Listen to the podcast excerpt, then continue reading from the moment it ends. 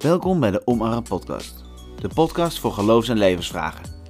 Is dit de eerste keer dat je naar deze podcast luistert? Dan zal ik me even voorstellen. Mijn naam is Tim Wildeman, ik ben 28 jaar en theologiestudent. Nog specifieker, ik ben bezig met afstuderen. Best een intense periode. Een scriptie maken is intens. Wachten op reactie van docenten op je scriptie, super intens. Ook heb ik een vak dat gaat over zingeving en verhalen in de toekomst. Daar hebben we het over utopie en dystopie.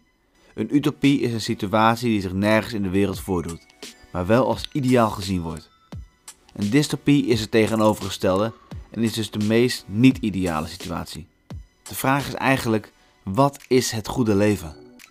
Daar wil ik het over hebben met een Bijbels perspectief.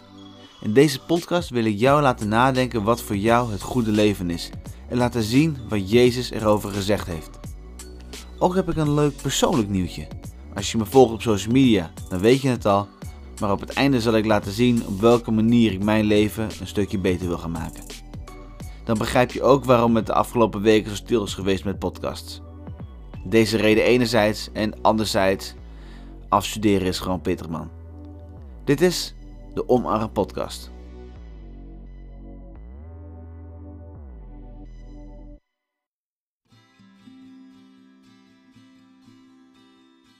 In de Bijbel wordt heel vaak gesproken over de God van Israël. Helemaal tijdens een oorlog. Israël was ontzettend vaak in gevecht met andere volken. In de lente was het altijd de periode om oorlog te voeren. Het gaat ook maar door. Ieder omliggend land is een keer aan de beurt. Het gebeurde vrijwel nooit dat Israël zelf de eerste stap zette in de oorlog. Ze moesten zich voornamelijk verdedigen. Het is niet te vergelijken met de situatie in Israël op dit moment. Maar daar wil ik ook niks over zeggen, want daar heb ik te weinig kennis van om er een verhaal over te kunnen maken. Wat er gebeurt als zo'n oorlog uitgevochten wordt, is dat uiteindelijk Israël de oorlog wint. Dan staat er dat de vijand zegt: De God van Israël heeft ons aan jullie uitgeleverd. Hij is te sterk voor ons en is de ware God. Ik vroeg toen aan mijn dominee dat als al die landen de God van Israël, de God van het Oude Testament, als de enige en ware God zagen, waarom bekeerden ze zich dan niet en kwam er geen eenheid in het Midden-Oosten? Want eenheid, saamhorigheid en verboering had zoveel leed kunnen besparen. Toen, duizenden jaar geleden, en ook nu. Want nog steeds is er oorlog daar. Het houdt maar niet op. Mijn dominee vertelde me dat in het Midden-Oosten alle volken een eigen god hadden en geloofde dat ze soms afwezig waren en de ene sterker dan de ander. Er staat ook vaak dat de God van Israël zijn volk verlaten heeft, wat eigenlijk andersom is, want het volk van Israël volgt de God niet meer. En als je God niet meer volgt, maak je eigenlijk ruimte voor de tegenstander. Zeker als je afgoden gaat vereren.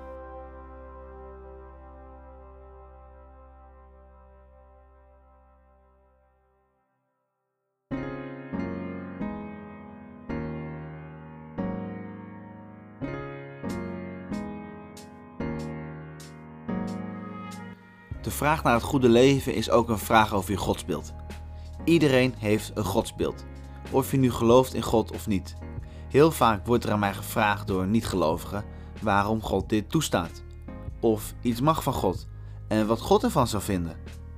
Dus ze hebben wel een utopisch beeld van God, maar geloven er niet in. Bijzonder hè? Want er is dus wel een God waar ze hoop, kracht en perspectief uithalen. Ik zou het ook mooi vinden als ze meer onderzoek zouden doen naar wie God voor hen is en dat ze meer tot ontdekking komen wie God is. Ik wil je door middel van de Bijbel laten zien wie God is. Uiteraard is dit beeld veel te beperkt, want de God van de Bijbel is zoveel groter dan we ons kunnen beseffen. Wat je beeld van God ook is, het is veel te beperkt. Zijn mogelijkheden zijn groter, zijn liefde is groter en God weet gewoon veel meer dan je denkt.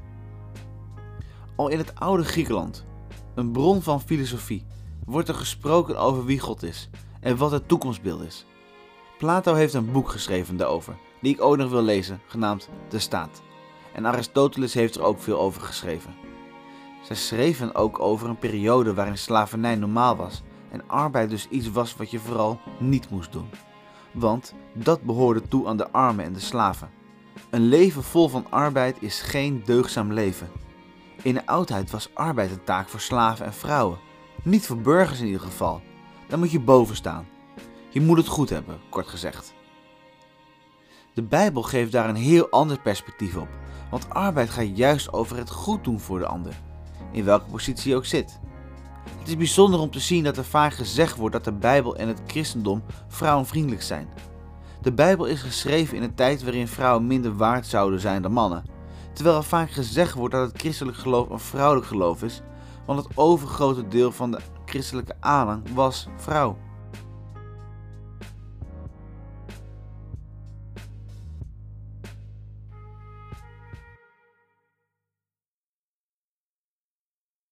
Het goede leven voor christenen wordt ook wel het koninkrijk van God genoemd. Als je dit begrip voor het eerst hoort, dan kan ik me voorstellen dat het een vaag begrip is. Is het in de hemel? Nee. Is het op aarde? Ja. Maar waar ligt het koninkrijk dan? Toen aan Jezus door Pilatus gevraagd werd naar zijn koninkrijk, zei Jezus: Mijn koningschap is niet van deze wereld. Mijn koninkrijk is niet van hier. Het koninkrijk van Jezus is overal waar de liefde en vrede van God zichtbaar wordt. Ik zal er een voorbeeld van geven. Als jij als enige christen in een dispuut laat zien dat je christen bent, dan is daar op dat moment het koninkrijk van God. Laat ik er meer over vertellen. Het koninkrijk van God is upside down. Je kent vast wel de uitspraak over de laatsten zullen de eerste zijn. Hoe dat is, zal ik uitleggen. Jezus vertelde in zijn tijd op aarde drie belangrijke punten over het koninkrijk van God. Ten eerste, het koninkrijk van God is al hier in het hier en nu. Het is een omgeving van vrede en vreugde, vrijheid en blijdschap. Het kan nu al beginnen. Het is al begonnen en het zal beginnen. Iedereen kan er een begin aan maken door je slechte gewoonten weg te doen en te leven in liefde voor God, voor de ander en voor jezelf. Ten tweede is het koninkrijk geen politiek programma. Het koninkrijk van God staat los van alle vormen van macht en strijd zoals wij die nu kennen. Iedereen is er gelijk en niemand staat boven de ander.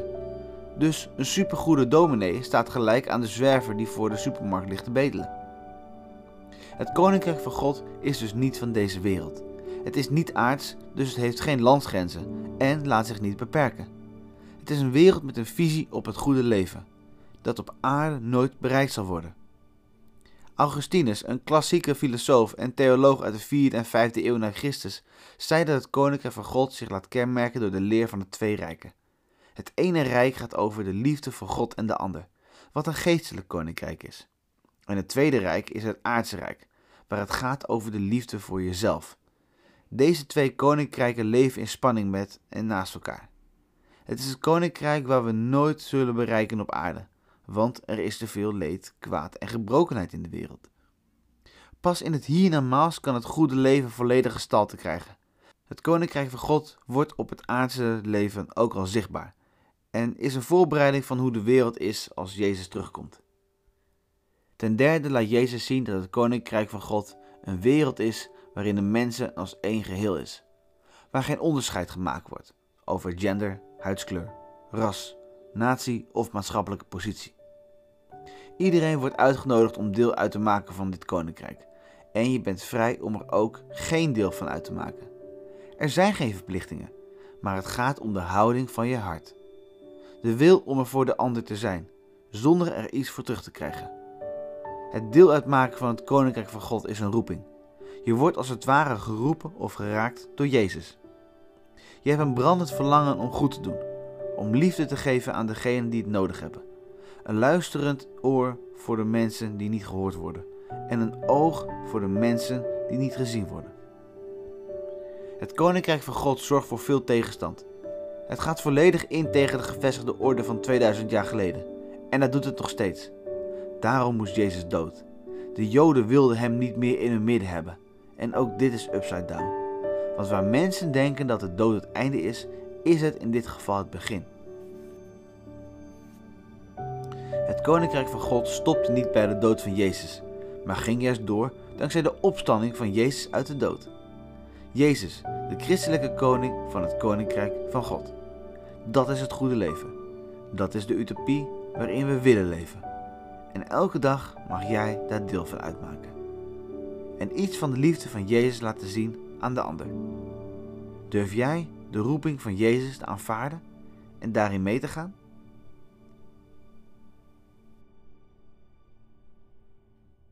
Ik zou ook nog een leuk nieuwtje vertellen. Ik wil het goede leven niet alleen doen. En niet alleen als individu deel uitmaken van het Koninkrijk van God. Dit wil ik samen doen met de liefde van mijn leven. Op 14 mei 2021 heb ik mijn vriendin ten huwelijk gevraagd en ze heeft ja gezegd. Dus mijn leven gaat nu alleen maar beter worden. En ik ben God dankbaar dat we het leven samen met Hem mogen doorzetten. Dat was het voor deze keer. Tot volgende keer bij de Omarre podcast.